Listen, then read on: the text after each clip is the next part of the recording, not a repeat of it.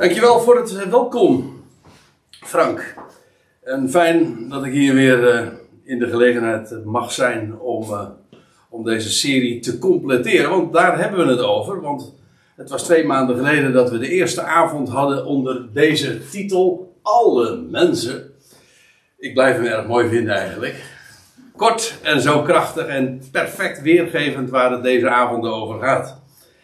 En de dubbelzinnigheid in de Nederlandse taal, eh, die ligt er ook dik bovenop. Want het is een uitroep van, van ver- verbazing, maar ook van, eh, ja, van, ja, van verwondering.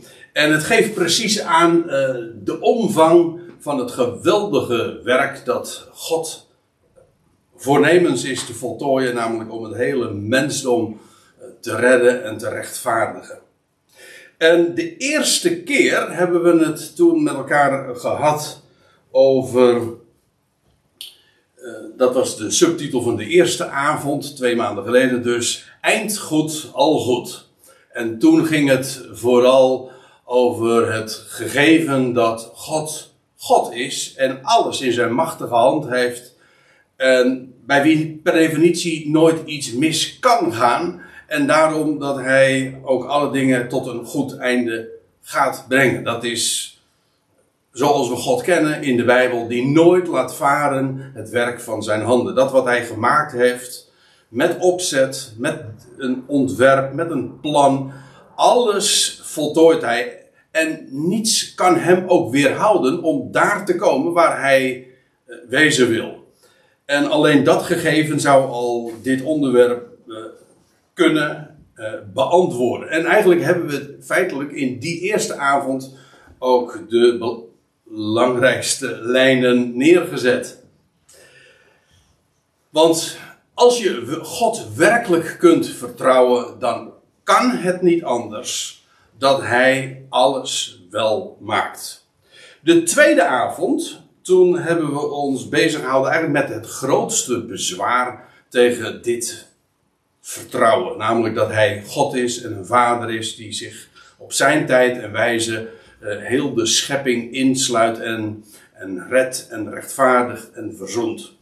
En dat is eh, het punt van de, hè, ja, van de Ionen. Dat zo ontzettend onbekend is, maar dat juist zo elementair is om dit onderwerp te zien. Want eh, wat de grote ellende is, ik durf het rustig zo te zeggen, dat wij allemaal Bijbelvertalingen gebruiken. Dat zijn dus de gangbare Bijbelvertalingen, die allemaal spreken van het woord eeuwigheid. En dat eh, verblindt zicht op dit onderwerp. Waarom? Omdat de Bijbel inderdaad er geen misverstand over laat bestaan dat er zoiets bestaat als eeuwige straf en eeuwig verderf. Er zijn diverse termen die in dat verband ook gebruikt worden. En als eeuwig inderdaad zoiets zou betekenen als eindeloos, eh, zonder limits, ja, dan, eh, dan weerspreekt dat, eh, dat, dat perspectief waar ik het zojuist over had, dat God alles tot een goed einde gaat brengen. Want ja, als er zoiets bestaat als een eeuwige straf, of zoals dat traditioneel geleerd wordt, het is eh, aan het einde van een mensenleven dan zo, en dat is in, eh, in de reformatorische wereld een heel bekend eh, gezegde. Ik, ik, per ik spreek in Nunspeet, dus ik, ik kan daar best aan refereren. Maar dan zegt men, het is dan eeuwig wel of eeuwig wee. En daarmee bedoelt men, het is voor altijd goed of het is nimmer meer goed. Die ernst, die eh, wordt alom, en niet alleen in de reformatorische wereld, maar traditioneel in de hele christelijke wereld erin gelegd. Namelijk dat eh, ja, zo, daar zoiets bestaat als een eindeloze hellestraf. En dat wordt allemaal gebaseerd op dat idee van eeuwigheid. En, dat, en waarom is dat zo fout en fataal? Omdat de, het woord eeuwigheid, zoals we dat in onze Bijbelvertalingen kennen en, en lezen, dat is de weergave van een Grieks woord, aion. Maar ik heb u laten zien, en ik hoop eh, overtuigend genoeg, en het lijkt mij ook niet zo moeilijk om dat inderdaad te onderkennen, dat in de Bijbel aionen zowel een begin als een einde hebben. De Bijbel spreekt over voor de Ionen, maar ook over de volleinding van de Ionen. En over uh, Ionische tijdperken. Uh, het hele idee van Ion tegenover tijd klopt niet, want de Bijbel spreekt bij herhaling over Ionische of eeuwige tijden. Nou, als je dat eenmaal gaat zien, dan verdwijnt uh, daarmee eigenlijk ook het belangrijkste argument of het fundament van de leer van de eindeloze helstraf. Als er niets uh, als eeuwig inderdaad te maken heeft met eeuw hè, en met een tijdperk, met een begin en einde, ja, dan vervalt dat hele idee van, van eeuwigheid, zoals dat gekoppeld wordt altijd aan, uh, aan straf, aan oordeel. Dat kent de Bijbel niet. Wat trouwens uh, om andere reden, maar dat gaf ik eigenlijk in de eerste uh, avond al aan, sowieso niet kan. Want in de Bijbel is het zo dat God nooit eindeloos torent. toren heeft altijd een doel, een, een, een, een, een motief, en namelijk om, om recht te zetten. En een ogenblik duurt zijn toren, maar een leven lang zijn goede tierenheid. Dat zijn de verhoudingen. Toren en straf enzovoorts. Dat zijn bijbelse concepten, begrippen. Maar het dient altijd het, het, het heilrijke en geweldige doel dat God, die in liefde is, voor ogen staat. Nou, dat was uh, de voorgaande avond. En daarmee heb ik eigenlijk het aller, allerbelangrijkste bezwaar weggenomen. Dat klinkt wat uh, hoogmoedig misschien zelfs. Hè, uh, want is dat mogelijk om in dat dat zulke theologische constructies en dogma's in één avond aan de kant te zetten? Ik denk het wel. De schrift is namelijk nogal helder daarin. En ja, dan, kunnen allerlei autoriteiten van theologische aard of uh, mensen van naam in de christelijke traditie anders hebben beweerd. Als de schrift zus zegt, dan kan men wel zeggen zo, maar dat is ja, dat is nou jammer voor hen. Want de, de schrift, boven alles, sola scriptura. Niet waar? Zo reformatorisch zijn we dan toch ook wel weer. Alleen de schrift betekent dat. Nou, vanavond, uh, dat is de derde in de, in de serie. En voorlopig ook even de laatste. In ieder geval dit jaar. Ja, en uh, hoe dat in het vervolg verder gaat, dat weet ik nog niet. Daar moeten we het nog maar eens over hebben gaan we het hebben over, ja, inderdaad, alle mensen. In feite, dat al overkoepelende thema, dat komt het meest eigenlijk tot zijn recht in uh, de bespreking van dit subthema deze avond. En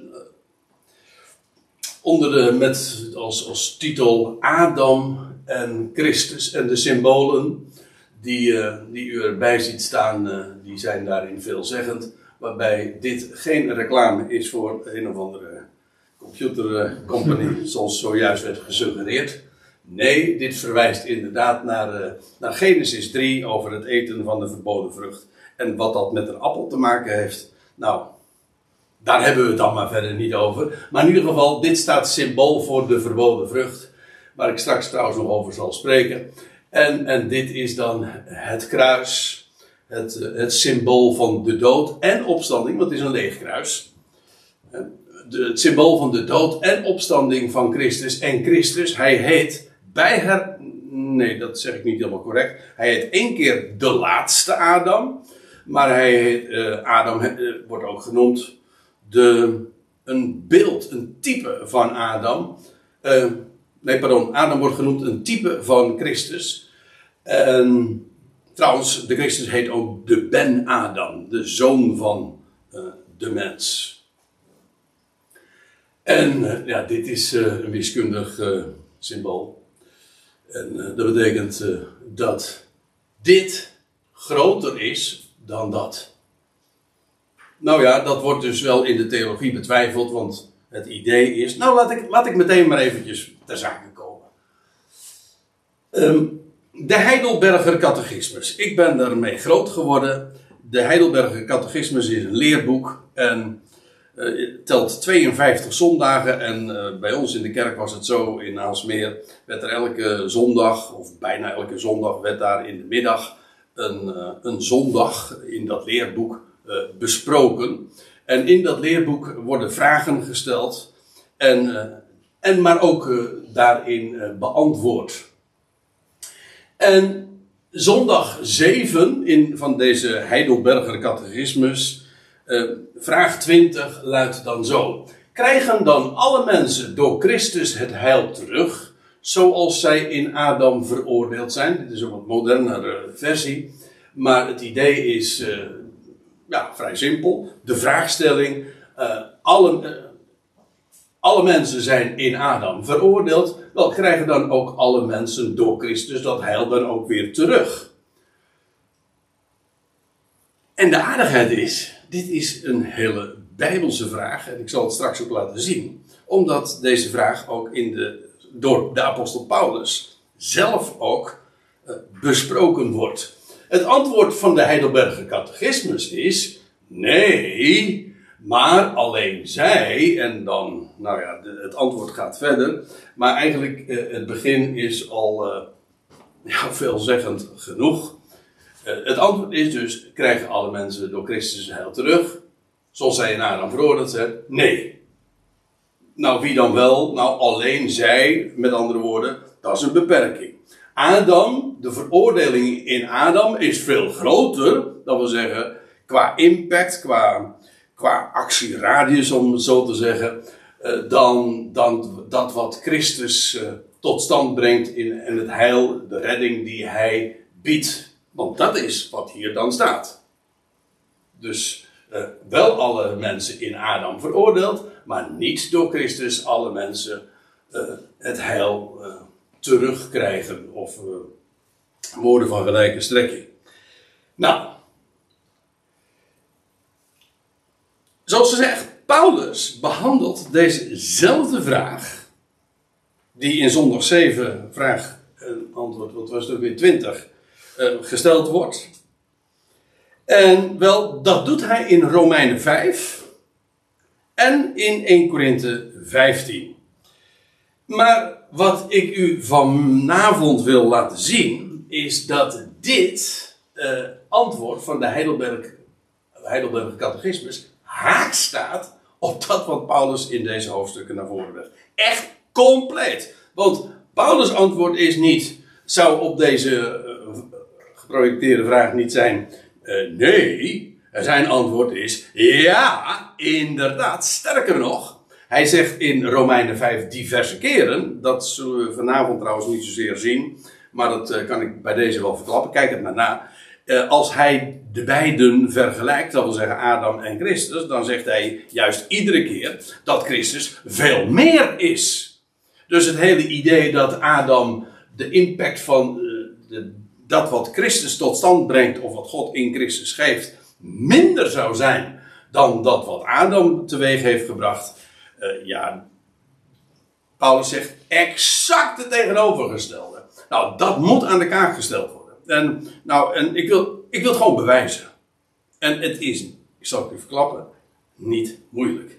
Het is zo kraakhelder. Nou ja, jullie zitten hier om, uh, om mij nu na te rekenen. En uh, uiteindelijk laat ik dat uiteraard in geel aan, aan, jullie over. Maar ja, dat is mijn overtuiging. Dat is ook de claim die ik neerleg. dit is zo helder, duidelijk vanuit de schrift aan te tonen.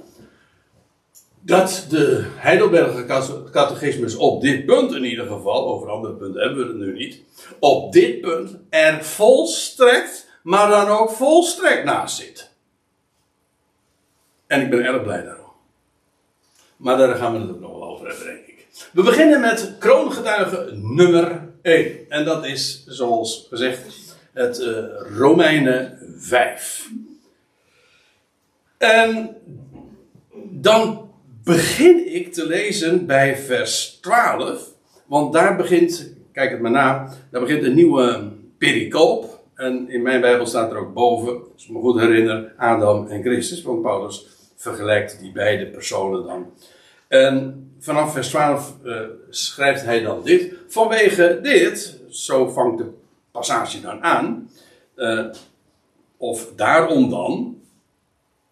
En uiteraard verwijst dat dan naar het uh, voorafgaande. En het direct voorafgaande, dat is dus in vers 11, zegt hij dat wij eh, de, eh, van Gods wegen de verzoening ontvangen hebben. Verzoening wil zeggen dat God vrede maakt. Waar vijandschap is, maakt God uh, vrede. God maakt, van God maakt van vijanden vrienden, liefhebbers.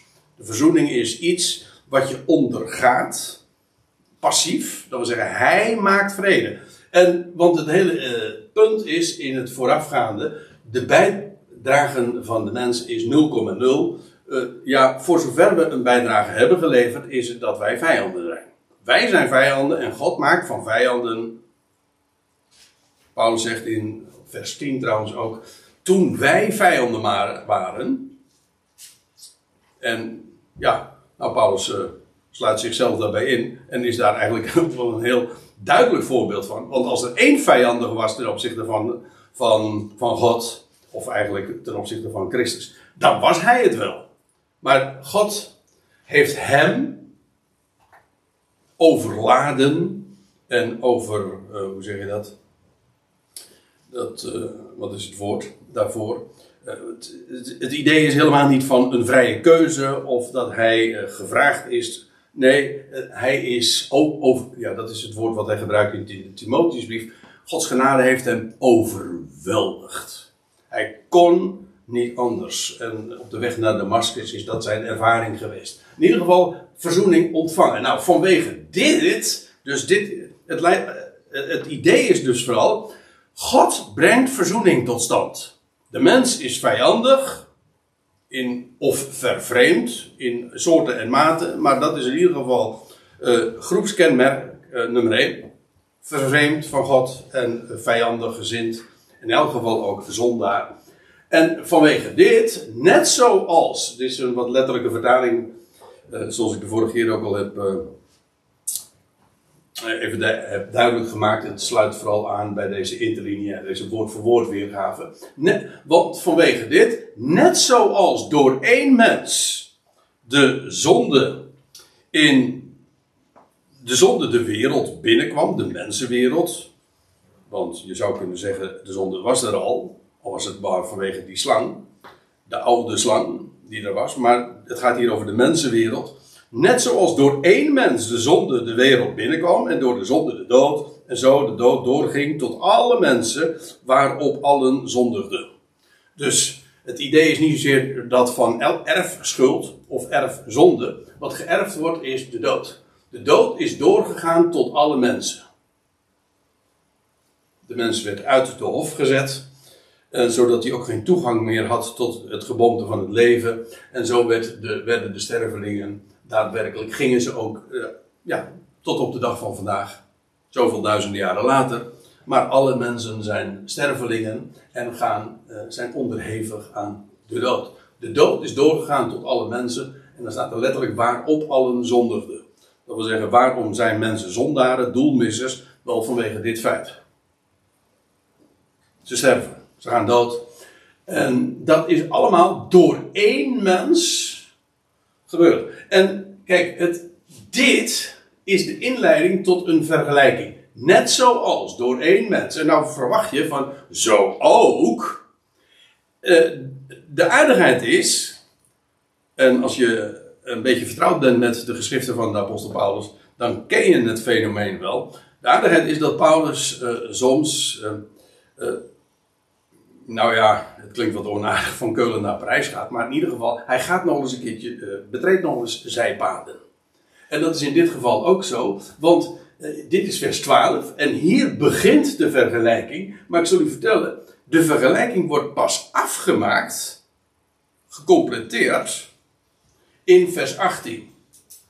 En dat betekent dus dat de tussenliggende versen, uh, dus vers 13 tot en met 17, dat is een tussenzin. Of eigenlijk uh, is het, zijn er twee tussenzinnen. Om, dit is wat uh, klein geprojecteerd om het even te laten zien, de passage. Dit is vers 12. Net zoals door één mens de zonde de wereld kwam. Nou zou je verwachten dus uh, zo ook. Nee, hij gaat eerst nog een tussenzin maken. Dat is vers 13 en 14.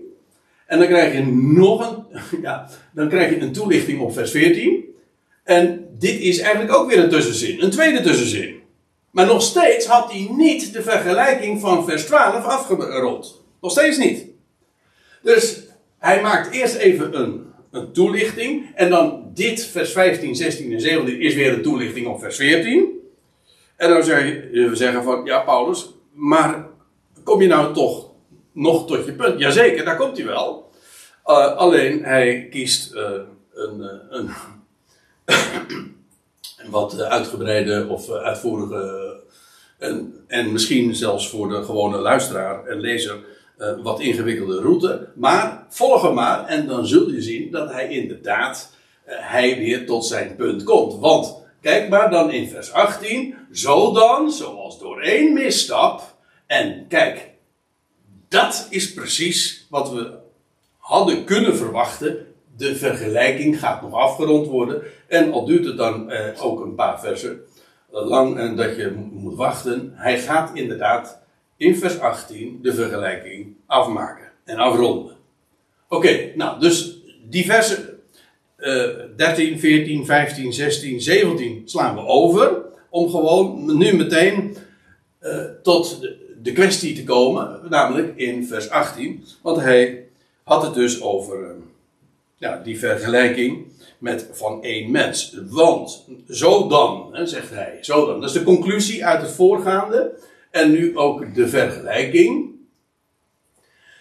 Zo dan, zoals door één misstap dat is het woord wat de daad van. De NBG-vertaling zegt een daad van overtreding. Deze grijze letters, deze grijze regels, die is, dat is de wijze zoals de NBG dat uh, weergeeft. Letterlijk is dit woord inderdaad een overtreding. Maar dan in de meest letterlijke zin van het woord, niet de juridische zin. Maar uh, je, als je een overtreding doet, dan, dan, dan stap je erover. Hè? Dus, dus met recht een misstap.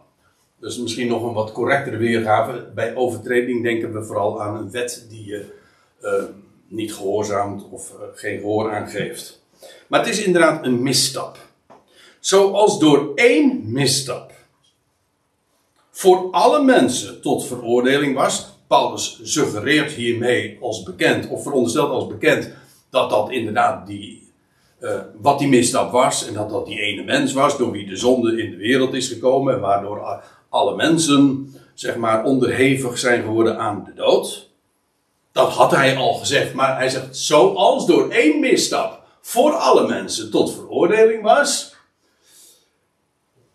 En dan krijg je zo, uh, zo en, en, en nu volgt dus de, de,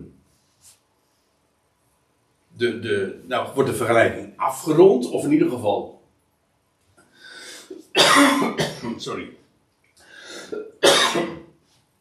de, dit woord, uh, dat is de inleiding dus tot de vergelijking. En de aardigheid van vers 18 is dat het eigenlijk een, soort van wiskundige formulering is. Ik gaf dat zo, zojuist al eventjes aan met dat tekentje van minder dan.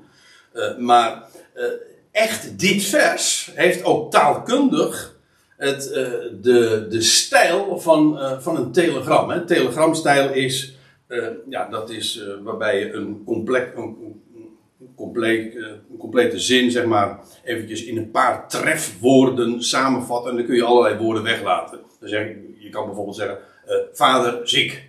Ja, als je het even heel kort, dan zeg je, mijn vader is ziek of whatever. Maar dat kun je gewoon door twee trefwoorden weer te geven. Dat, is, dat heet dan de telegramstijl. En wat, uh, in dit geval zie je dat heel sterk. Want dit is namelijk, nou, wat heet, een, redelijk lange zin. Maar in het Grieks, in het Nederlands uh, zie je dat niet goed uitgedrukt. Maar in het Grieks kent deze zin niet één werkwoord. Nou, dat is uitzonderlijk, want elke zin heeft een werkwoord. Meestal meerdere. Maar in dit geval niet één werkwoord. Dus als hier staat was, uh, dan heb ik dat expres even tussen haakjes gezet, want in het Grieks staat er namelijk helemaal geen werkwoord. U zegt, was is toch ook, uh, is toch ook een zelfstandig naamwoord? Ja, maar dat is weer wat anders. De was, ja. Uh, Oké. En dat het inderdaad de vergelijking is, en dat is wat je mag verwachten als je de zin of het woord zoals ziet, dan weet je, aha, nu gaat er een vergelijking komen. En dan moet daar dus ook zoiets staan als zo ook. En dat is precies waar de, de, de tweede helft van deze zin over, over gaat. Zo ook door één daad van rechtvaardigheid, of één rechtvaardigheidsdaad, voor alle mensen tot rechtvaardiging van leven. Dit is die, die kernachtige zin waar ik het, uh, ja, waar ik het over had. De vergelijking die Paulus maakt die zo nauwkeurig is. Inderdaad, als een wiskundige vergelijking, eh, volmaakt is. Ga maar na. Je krijgt dus, nu heb ik de zin, de, de, de, de woorden even allemaal zo, of de zinsdelen op een rijtje gezet. Zoals, nou, door één is dat voor alle mensen tot veroordeling. Zo ook. Nou, en zoals dit dat, zoals wordt gecompleteerd of uh, afgerond met zo ook. Dit door één misstap. De andere kant van het verhaal is. Door één daad van rechtvaardigheid. Door één misstap, stap, namelijk van die ene mens ooit, duizend jaren geleden in de Hof van Eden. Hij at van die verboden vrucht. Door één misstap. Nou, zo ook door één, letterlijk dan, want het is eigenlijk één woord, één daad van rechtvaardigheid of één rechtvaardigheidsdaad. Hij deed wat recht was, hij was gehoorzaam. Zo zegt de heer Paulus dat in Filippenzen 2. Hij was gehoorzaam tot. nou. Even een stokje water. Nou, nou. Dat deed Rutte gisteren ook in de Tweede Kamer. Alleen toen was het koffie en toen gebruikte die woorden die ik niet gebruik. Nou, valt wel mee hoor. Het, het, meeste zit nog in het glas. en uh, over misstap gesproken. Gaat wel reuze mee. dan kom je op visite en dan, ga, en doe je dit. Hè. Ja, het is wat. Oké. Okay. Eén misstap. En één rechtvaardigheidsdaad. De, de, vergelijking is tot dusver dus inderdaad perfect. Eén daad. Adam. Eén mens ook. En één rechtvaardigheidsdaad. En dan voor alle mensen. En in beide gevallen, u ziet het zelfs in het Grieks, ik heb het expres zo weergegeven, je ziet exact dezelfde formulering. Voor alle mensen. Eén misstap leidt voor alle mensen dat zij stervelingen werden en daadwerkelijk doodgingen. Voor alle mensen. Wel, dat de impact, of nog een keer dat woord actieradius, dus dat wat de misstap uh, ten gevolge heeft, dat bereikt heel het mensdom. Of alle mensen. Doet de daad, die ene daad van rechtvaardigheid, van die ene mens daaraan uh, van onder? Nee, in beide gevallen betreft het alle mensen. Uh, begrijp me goed? Uh, dat één misstap voor alle mensen, dat is niet potentieel. Zo van, uh, het is uh, voor alle mensen bereikbaar. Zo van, optioneel, weet je wel. Dat mensen iets wordt aangeboden. Nee, alle mensen zijn veroordeeld. Dat kun je onbillijk vinden, want door één misstap. Ja, waarom moeten alle mensen daaronder lijden? Is dat billig? Nou, dat wordt je niet gevraagd. We zijn Adamieten. We zitten in dat schuitje van onze aller aartsvader, onze aller voorvader. En doordat hij dat deed, is heel het mensdom, alle mensen zijn veroordeeld. Voor alle mensen tot veroordeling, in ieder geval, om sterveling te zijn. En zondaar te zijn. Dat is geen keuze. Dat is een gegeven door één misstap. Alle mensen en uh, inderdaad tot veroordeling. Dit is de negatieve kant. De positieve kant is dat zo ook dit, kijk, dit staat nooit ter discussie. Ik had het zojuist over de reformatorische wereld, over die Heidelberger catechismus. Alle mensen zijn zondaren. Niemand twijfelt daaraan. Trouwens, eh, als we het hebben over uh, alle mensen zijn stervelingen, ja, dat, daar hoef je niet eens de Heidelberger catechismus voor te kennen. Dat is een gegeven. Hoezeer je daar ook moeite mee hebt, of, ja, sowieso heb je, is dat een, een, een, een, een punt waar we allemaal mee geconfronteerd worden. En je kunt, je kunt zelfs zeggen van ja, maar waar hebben we dat aan verdiend? Je kunt erover redeneren, je kunt er, al, je kunt er van alles van vinden. Maar het feit, en daar gaat het maar even om. Het feit staat, alle mensen zijn stervelingen. Nogmaals, niet optioneel. Zo van een keuze, het is maar net wat je wil. Nee, daadwerkelijk. Door één misstap voor alle mensen tot veroordeling. Nou, zo ook één rechtvaardigheid staat voor alle mensen tot rechtvaardiging van leven. Dus zoals de veroordeling daadwerkelijk alle mensen bereikt, alle mensen veroordeeld zijn om sterveling en zondaar te zijn, zo zullen ook door één rechtvaardigheid staan voor alle mensen is er rechtvaardiging van leven. En zowel rechtvaardiging als leven zijn daar, staan daarin centraal. Dat betekent ook dat we alle mensen levend gemaakt worden. Het leven zullen uh, vinden uh, dat hij aan het licht bracht. Maar ook gerechtvaardigd zullen worden. We zijn veroordeeld in Adam. Namelijk om zondaar en sterveling te zijn. We worden gerechtvaardigd. Dat trouwens had Paulus al gezegd in Romeinen 3 vers 24. Hoe was het ook alweer? Uh, zoals daar staat. Dat ehm, nou. Help me eventjes. In Romeinen 3 vers 23. We worden ook niet gerechtvaardigd. Ja, maar even te zin. Maar eventjes, hoe begint de Alle zin? hebben gezondigd. en- Alle, juist, eh, die, die bedoel ik, ja. Allen hebben gezondigd. En, eh, alle, en, eh, en derven de heerlijkheid Gods. En worden om niet gerechtvaardigd door zijn genade. Daar stond het ook al. Alle mensen gezondigd. Alle mensen derven, de heerlijkheid Gods. Dat wil zeggen, missen de heerlijkheid van God. En worden, allen worden om niet gerechtvaardigd. Door zijn genade. Met andere woorden, dat is een, een, een gift. Dat is genade. Het is om niet. Het wordt je niet aan je gevraagd. Je hoeft het niet te verdienen. Het is een feit. En hier staat het zo glashelder. Laat de Heidelberger catechismus nou zeggen nee. Maar de schrift en Paulus is zo volstrekt helder. Die zegt, jazeker. Eén misstap.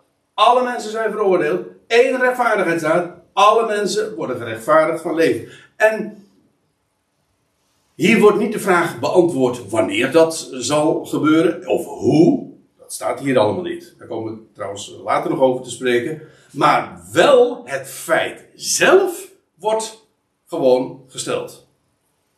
En dit maakt het evangelie, als u mij vraagt, echt zo'n geweldig evangelie. Want dit is een mededeling. Zoals dit een mededeling is en een feit, trouwens, een ervaringsfeit, dat we allemaal kennen. En misschien met moeite, maar uh, we kunnen niet anders dan het inderdaad erkennen en onderkennen. Dit maakt het evangelie, werkelijk evangelie, namelijk die ene daad van rechtvaardigheid. Het kruis van Golgotha. En de opstanding, drie dagen later. Die ene daad van rechtvaardigheid leidt voor alle mensen tot rechtvaardiging van leven.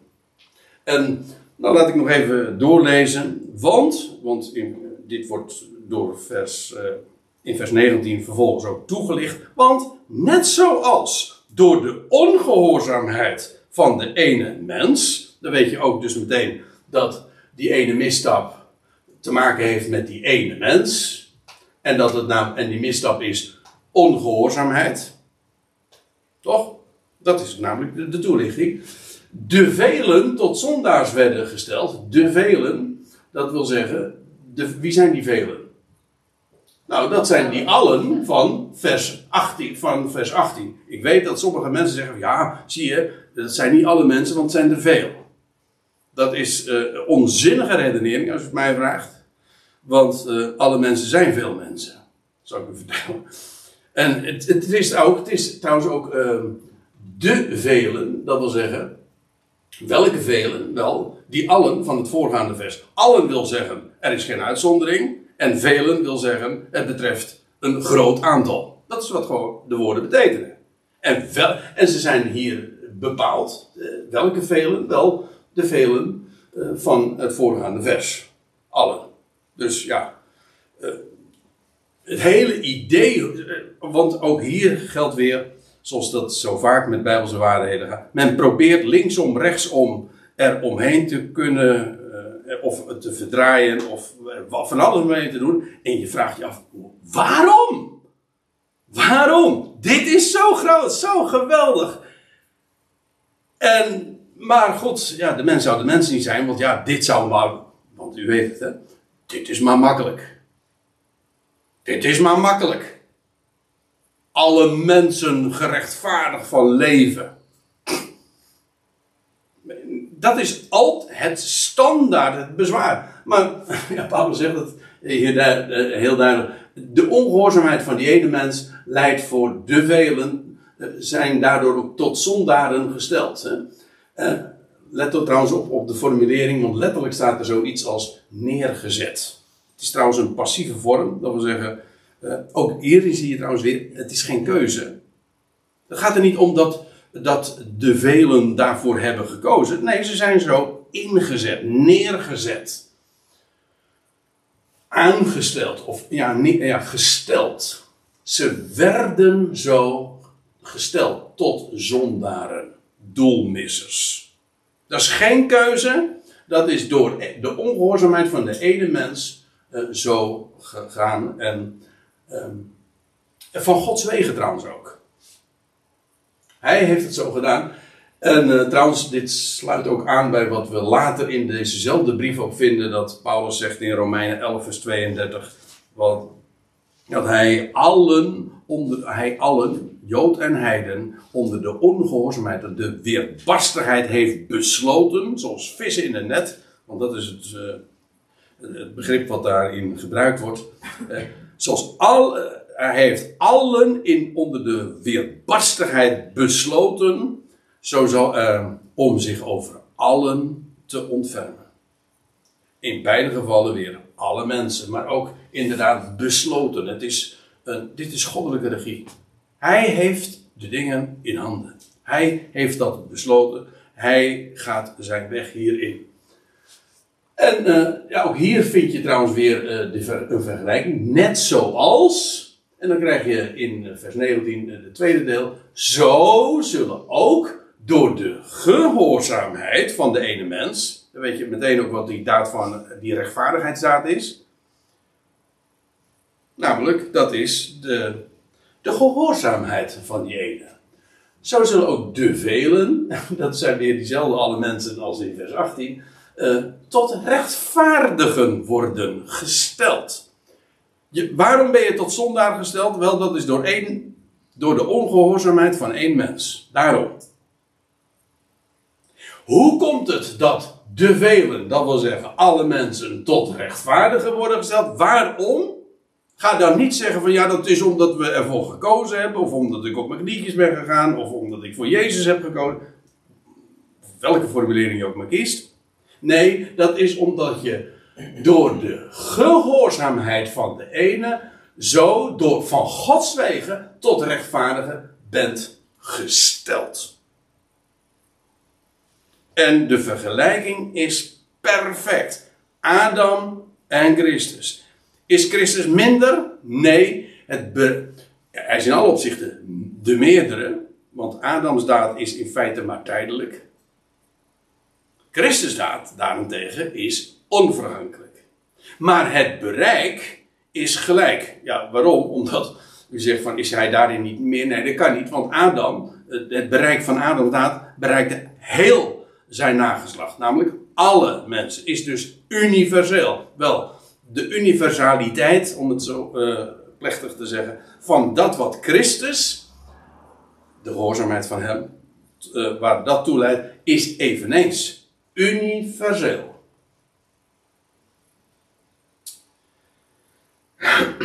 Nou, dat is Romeinen 5, waar we het, uh, waar ik het zo heb laten zien. Adam, Christus. En dan gaan we nu naar 1 Korinthe 15 toe. En daar is de uiteenzetting een andere. Paulus heeft het daar over de overwinning op de dood. Het, over het feit dat Christus Jezus opgewekt is uit de doden als eersteling. En waar hij, ja, het gaat hem vooral over het feit, het feit dat het een feit is. Dat het een gegeven is, historisch gedocumenteerd. En uh, eigenlijk uh, heel het voorgaande van de eerste twintig versen gaan daarover. Christus uh, begraven naar de schriften, is opgewekt naar de schriften. Dat is allemaal tevoren aangekondigd. Hè? Dat wil zeggen, beschreven in de schriften, voorzegd. Het is vervuld op de juiste tijd, op de juiste wijze. Hij stierf precies op de dag dat die daarvoor gepland was. Hij stond ook op op de dag van de eerstelingsschoof overigens. Nou, dat gezegd hebbend en, en beschreven hebben, gaat hij vervolgens in op de geweldige betekenis daarvan. Dat Christus opgewekt is uit de doden. En dan haak ik aan bij vers 21. Aangezien, zegt Paulus, de dood door een mens is. Het gaat hier niet zozeer om het feit dat het één mens is. Dat was in Romeinen 5 wel het punt, maar het is door een mens. Het is inderdaad wel, het komt wel hoor, maar het is door een mens. Zo is ook de opstanding van doden door een mens. Door een mens. Natuurlijk, God is het die doet opstaan. Maar eh, dat gebeurt wel door een mens. En hoe dan wel? Wel, dat uh, wordt uh, vervolgens, ja, vers 22 is, is misschien wel het meest centrale vers daarin. Want dan zegt hij, want even, ja, dit is zo'n geweldig vers. Onlangs nog met een begrafenis heb ik hierover mogen spreken. Dit stond ook op de, op de rouwkaart. En, mijn schoonvader stond dat ook op de rouwkaart. Ja, ik zou zeggen, er is geen mooier vers wat je kunt bedenken. Ja, om, om te laten klinken bij een uitvaart. Als, als 1 Korinthe 15 sowieso. De overwinning op de dood. En ja, wat, wat Paulus hier zegt. Want evenals in Adam allen sterven, zo zullen ook in Christus allen levend gemaakt worden. Zie je meteen hier ook de, de, de parallel in, uh, met, met wat we zojuist in Romeinen 5 bespraken. Want ook daar maakt Paulus die vergelijking tussen Adam en Christus. En dan ook dan maakt hij die vergelijking zo uh, met zo uh, zoals en dan ook zo ook. En in beide gevallen benadrukt hij ook inderdaad dat het het hele mensdom betreft. En hier ook. Want evenals in Adam, dat is dus die mens waar het in het voorgaande vers over ging, evenals in Adam allen sterven. Je ziet trouwens in de MBG-vertaling, of in de, in de zie je zo'n verticaal streepje erbij staan. En dat wil zeggen, uh, dat het een tegenwoordige tijd is. Dat wil zeggen, eigenlijk betekent dat aan het sterven zijn. Het idee is, um, dat is een, dat ze zijn bezig dood te gaan. Dat is uh, op apart. Uh, de, de, de, de gedachte in 1 Corinthië 15 is niet dat wij allemaal leven hier op aarde. Wij, wij zijn allemaal bezig dood te gaan, bezig te sterven. Dat betekent eigenlijk ook dat we stervelingen zijn. We zijn misschien dan niet in de terminale fase, maar we zijn allemaal bezig dood te gaan. Dat lijkt maar macaber. Eigenlijk is het dat ook. Maar uh, ja, dat is, dat is wat het is. Alle mensen zijn sterveling en zijn bezig dood te gaan. Ze zijn dus eigenlijk, eigenlijk je zou, uh, zijn allen stervende. Dat, is, uh, dat zou wat correcter nog zijn. zoals in Adam allen stervende zijn, bezig zijn te sterven. Zo, hier ook weer, de volmaakte parallel, zo zullen ook in Christus allen levend gemaakt worden. Alle mensen sterven. Waarom? Wel, dat heeft te maken met het feit dat zij in Adam begrepen zijn. In feite, het DNA van Adam, dat zit in ons allemaal. Dat is wat ons mensen maakt. Wij zijn Adamieten. Dus in Adam. Wel, zo zullen ook in Christus allen levend gemaakt worden. Maak er nou niet van wat anderen. Want u zei, ik gaf het zojuist al even aan. Eh, dat eh, ze allerlei eh, manieren proberen te vinden om hier onder deze simpele waarheid onderuit te komen. Want echt, deze waarheid is zo eenvoudig. Een klein kind van twee begrijpt het al.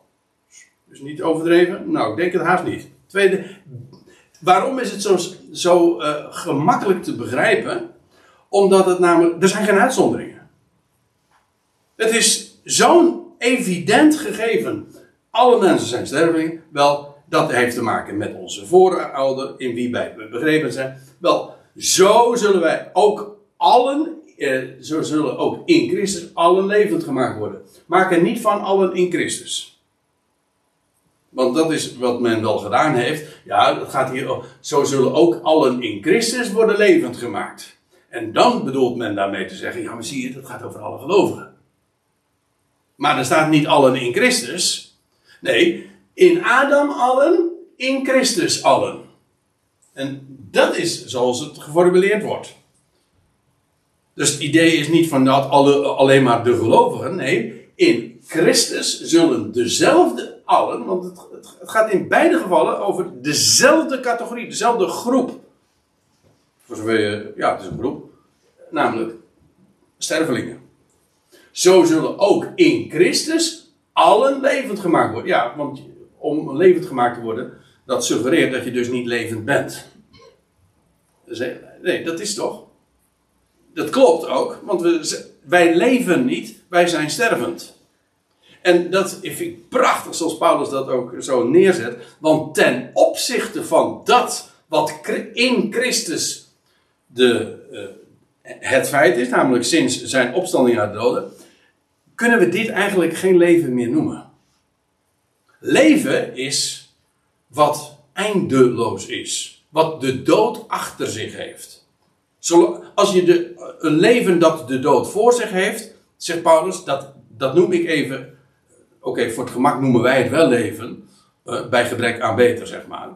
Of, omdat we het contrast toch eigenlijk niet kennen. Maar als we het nu hebben over wat echt leven is, namelijk dat de dood achter zich heeft. Ja, maar dan is dat wat wij nu leven noemen eigenlijk geen leven, dat is sterven. Nou, dat is de formulering. En dus, ja, als Paulus zegt, in Christus zullen alle levend gemaakt worden, dat betekent, dat zijn we niet. We zijn stervelingen. Of we waren stervelingen, maar in dat geval ben je al dood. Ja, daar zit, daar zit trouwens nog meer aan vast, want dat gaat Paulus aan het einde nog betogen over, over het verschil tussen degenen die nu nog op aarde zijn en, eh, en degenen die gestorven zijn. Maar dat laat ik nu even buiten beschouwen. Het gaat even om heel het mensdom dat stervende is, dan wel gestorven. En heel het mensdom dat levend gemaakt zal worden. In wie is dat gegarandeerd? In Christus. Dat is het feit. En ja, de vraag is dan vervolgens, uh, hoe dan wel? Want dat is wat Paulus in dit gedeelte inderdaad gaat uh, uiteenzetten. Het feit wordt hier gesteld, dat hebben we in Romeinen 5 nu gezien. En nu hier in 1 Corinthië 15 opnieuw. Alleen dan is het perspectief meer niet zozeer die ene daad van gehoorzaamheid, maar dan gaat het vooral over het feit dat Christus de eersteling is uit de doden. En nu, vervolgens, in het navolgende, maar dat gaan we na de pauze dan uh, mee verder, stel ik voor. Uh, in het navolgende gaat Paulus ook uitleggen dat dat uh, zal zijn heel gestructureerd, gefaseerd, in rangorde, in afdelingen. Niet allemaal tegelijk, maar niettemin uh, de uitkomst, die staat op voorhand al vast. Namelijk, allen zullen worden levend gemaakt in Christus. Alsjeblieft. En ik stel voor dat we daar uh, na de pauze inderdaad verder mee gaan. Bij vers uh, 23 en de na volgende versen. En dat we eerst eventjes een kopje koffie gaan drinken.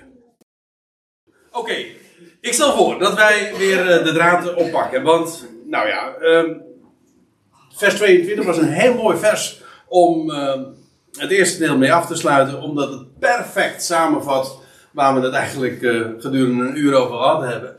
Evenals in Adam allen sterven, zo zullen ook in Christus allen worden levend gemaakt.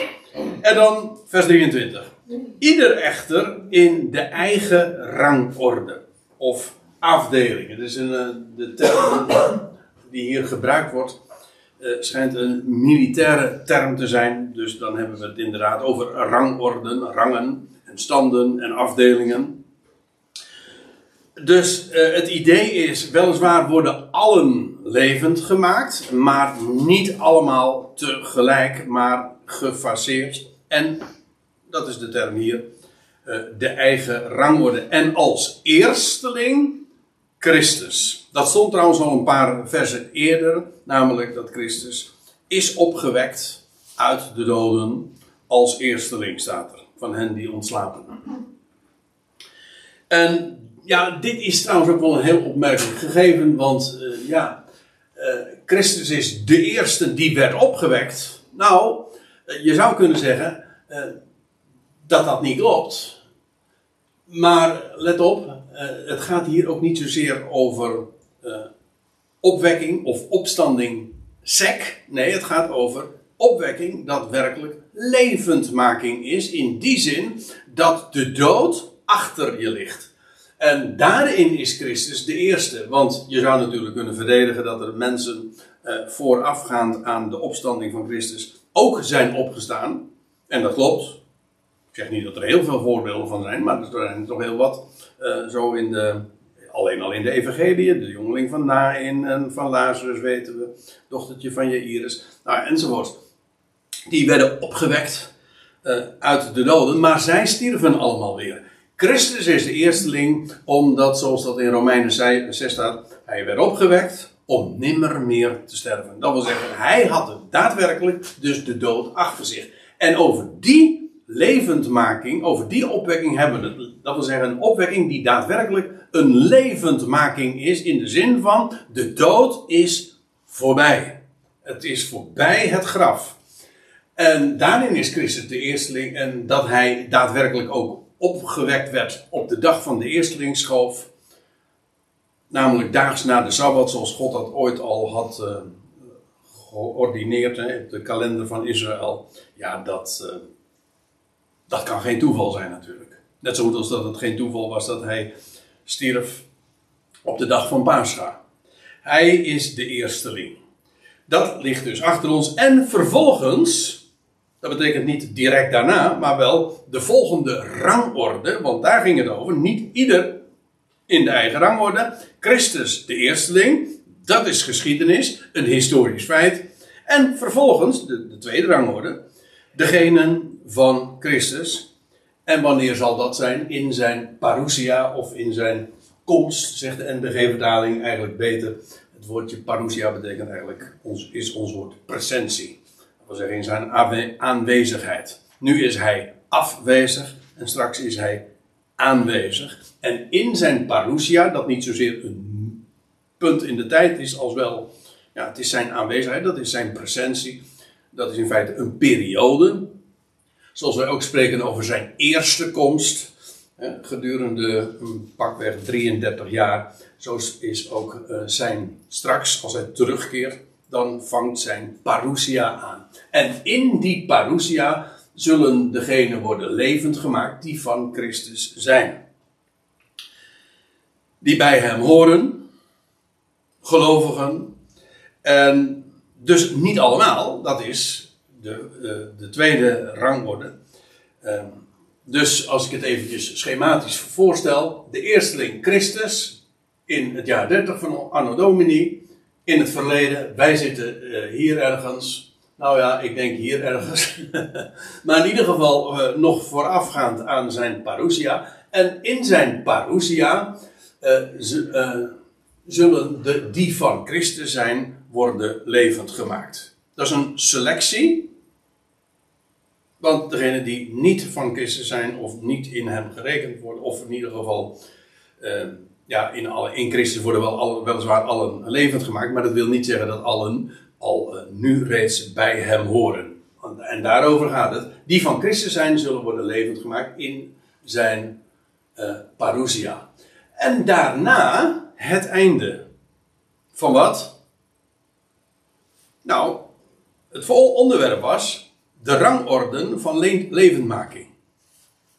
Zo zullen in Christus alle worden levend gemaakt, maar ieder in zijn eigen rangorde. En dan Christus als eersteling, vervolgens die van Christus in zijn parousia, maar er zijn nog niet alle levend gemaakt. Dus er, er, er volgt nog een, in feite, een veel grotere categorie, namelijk de resterenden. Dat blijkt wel, want dat is het einde. Dus het, is, het zijn, wat hier genoemd wordt, zijn drie rangorden. Daarna het einde, namelijk van de levendmakingen. En dat zal zijn wanneer hij, Christus, het koninkrijk zal overdragen aan God de Vader. En dan krijg je eh, dit. Christus de eersteling, die van Christus zijn in zijn parousia. En, dus, en dan vervolgens de laatste rangorde, de laatste levendmaking. En dat betekent dus de rest. Al, ja, de resterenden, de overigen. Die wordt verder niet hier gepreci- gepreciseerd. Wat een woordje. Eh, maar eh, dat hoeft ook niet. Want, eh, ja, het zijn inderdaad de, de. Aangezien dit het einde is, betekent dat dus dat allen die dan nog dood zijn, zullen worden levend gemaakt. En wanneer zal dat zijn? Wel, wanneer hij het koninkrijk zal overdragen aan God de Vader. Dus dit is bij zijn, eh, dat noemen ze met een mooi woord, de abdictie. Hè? Zijn, zijn wanneer hij afstand zal doen van de troon. En hij het koninkrijk over zal dragen. En dan stond er nog bij, eh, wanneer hij het koninkrijk zal overdragen aan God de Vader, wanneer hij, dat wordt hier nog nader toegelicht, wanneer hij teniet zal doen, alle overheid en alle autoriteit en macht, die zijn er dan niet, die worden buiten werking gesteld, ontroond. Er zijn dan geen overheden meer, autoriteiten en macht, die zijn dan ook niet meer nodig, ik zal het straks ook laten zien. En want staat er, hij moet als koning heersen totdat hij al de vijanden zal plaatsen onder zijn voeten. Nou, dit is een aardige gegeven waar we het de vorige keer ook al even over gehad hebben, omdat eh, dit namelijk nogal van belang is in verband met die, die Ionen. Want ja, aan de ene kant heb je dus het verhaal dat Christus moet heersen eh, tot in alle eeuwigheid, eh, of in alle eeuwigheid, of tot in alle eeuwigheden, zeggen andere vertalingen. Op allerlei plaatsen, hè. Dat is heel eigen, eigenaardig, maar in openbaring 11 vers 15 lees je het, maar in Lucas 1. Er zijn heel veel plaatsen waar gezegd, gesproken wordt over het eeuwig koninkrijk van Christus, maar ook dat hij zal heersen tot, eh, ja, de vertalingen zeggen dan tot in alle eeuwigheid. En er zijn nogal wat liederen ook die datzelfde eigenlijk eh, uitdrukken. Maar ten onrechte. Want hij moet heersen tot in alle eeuwen, dat zou je kunnen zeggen, tot in alle ionen, wereldtijdperken, maar niet tot in eeuwigheid. Want eh, ja, Paulus zegt juist uitdrukkelijk, hij moet als koning heersen totdat. Dus dat is beperkt in tijd. Hij moet heersen als koning totdat hij alle, al de vijanden zal plaatsen onder zijn voeten. Nou, allerlei details eh, die laat ik nu even achterwege, want het gaat eventjes om, uh, om, de, rode draad. Uh, wat nu van belang is, vers 26, als het gaat over die, die vijanden, dan zegt Paulus, de laatste vijand die teniet gedaan wordt, is de dood.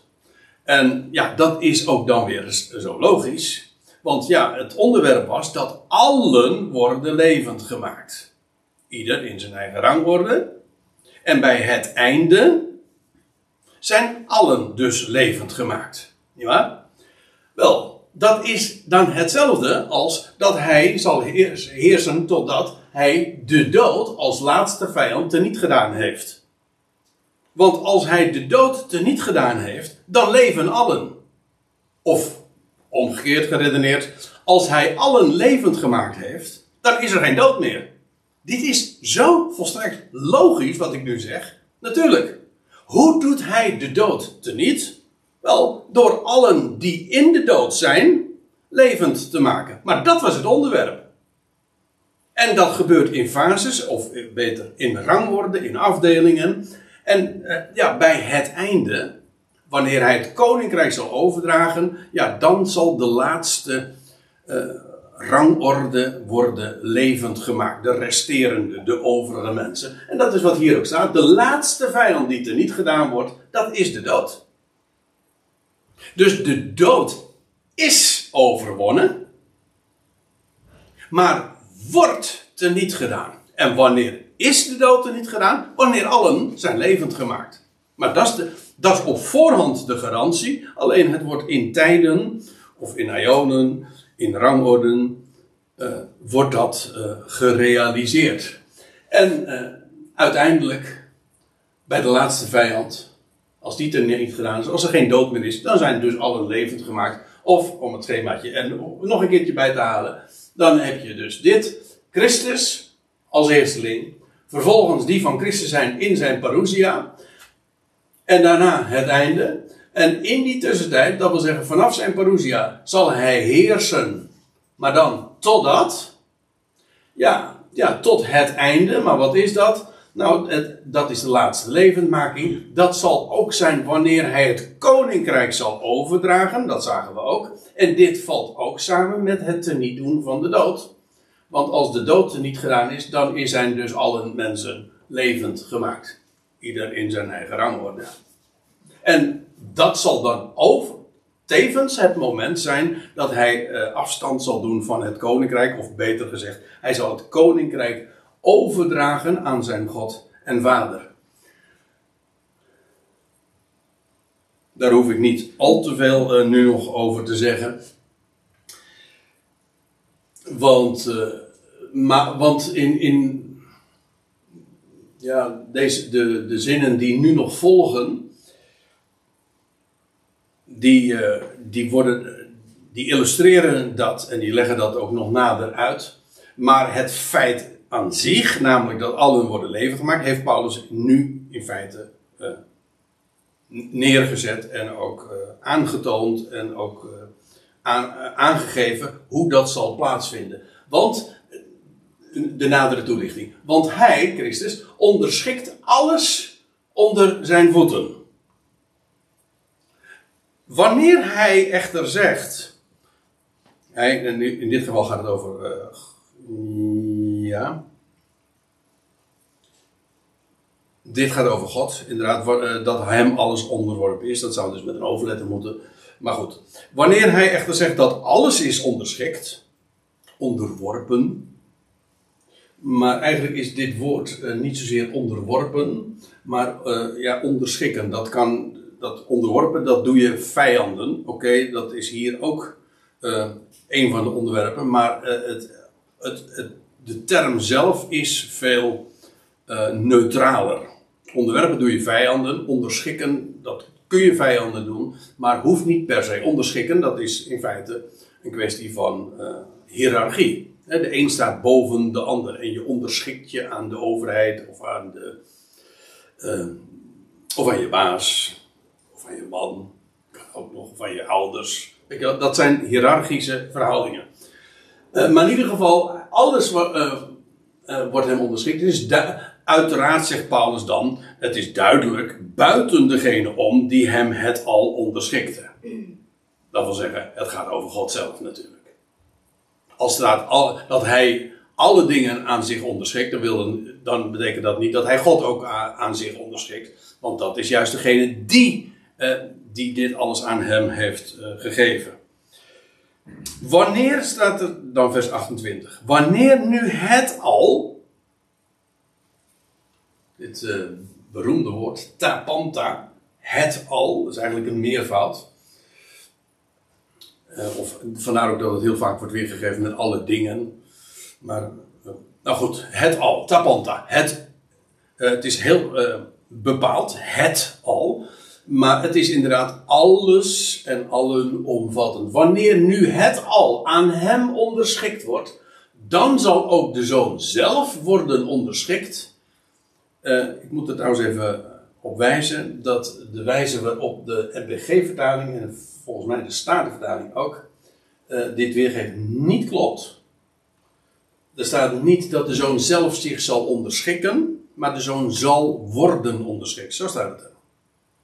Ja, dat is geen kwestie van. Uh, passief. Uh, hè? Dat is passief, ja. ja. Hij zal, de zoon zelf zal worden onderschikt. Hij zal, uh, hij zal onderschikt worden, ziet u?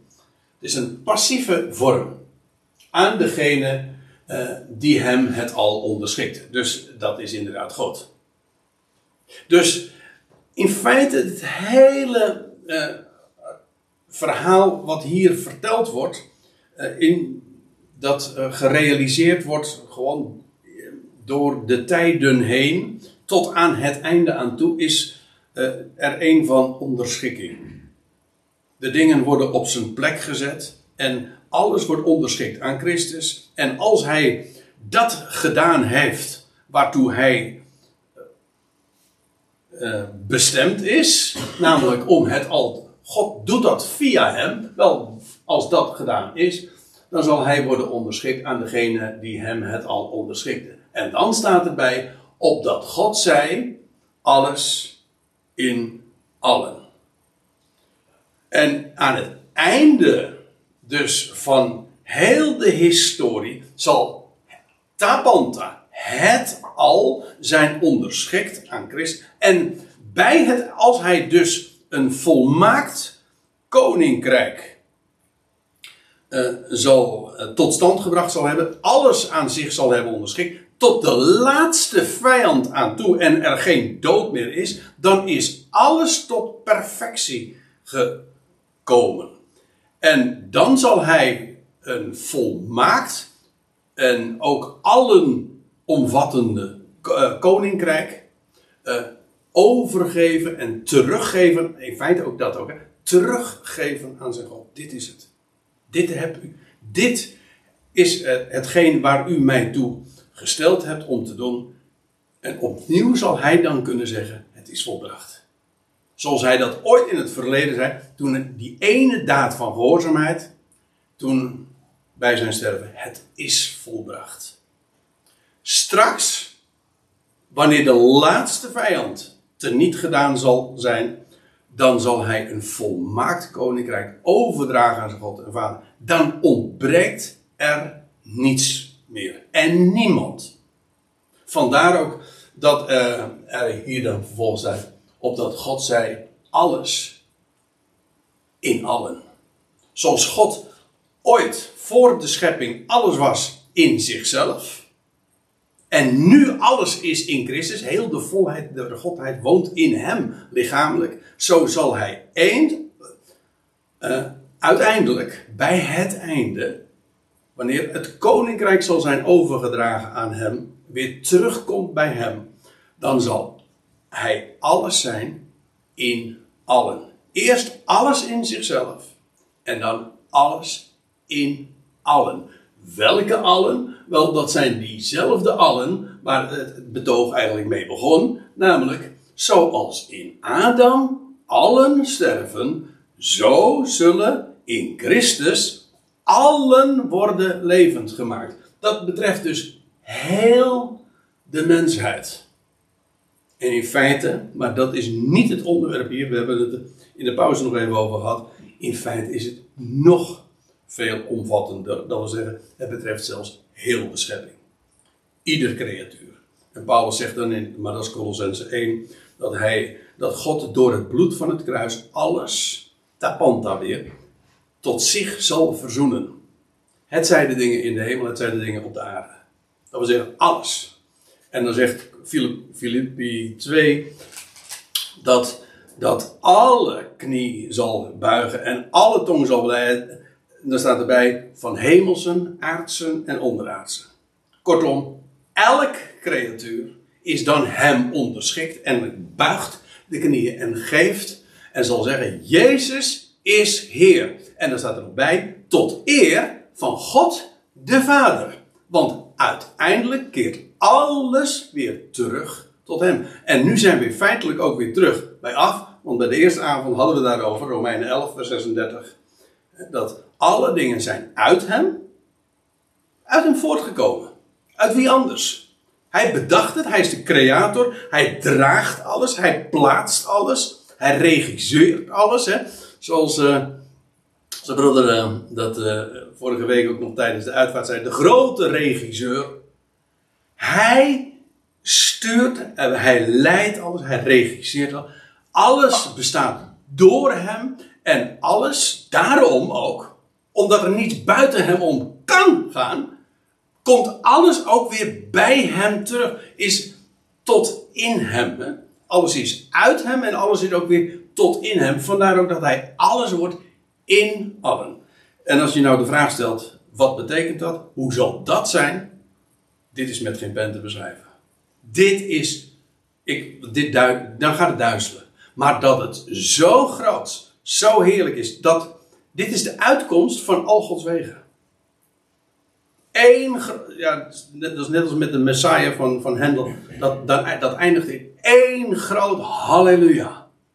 Dat is onvoorstelbaar en dat is inderdaad universeel. Alles wat adem heeft, looft hem dan. Dat is niet alleen maar een oproep, het is ook een profetie, een voorzegging, een belofte. Zo gaat hij dat realiseren. Ja, dat is zo groot. En daar valt niemand buiten. En dat is het heerlijkste wat er is. Als je het eenmaal, als dit kwartje gevallen is in je hart.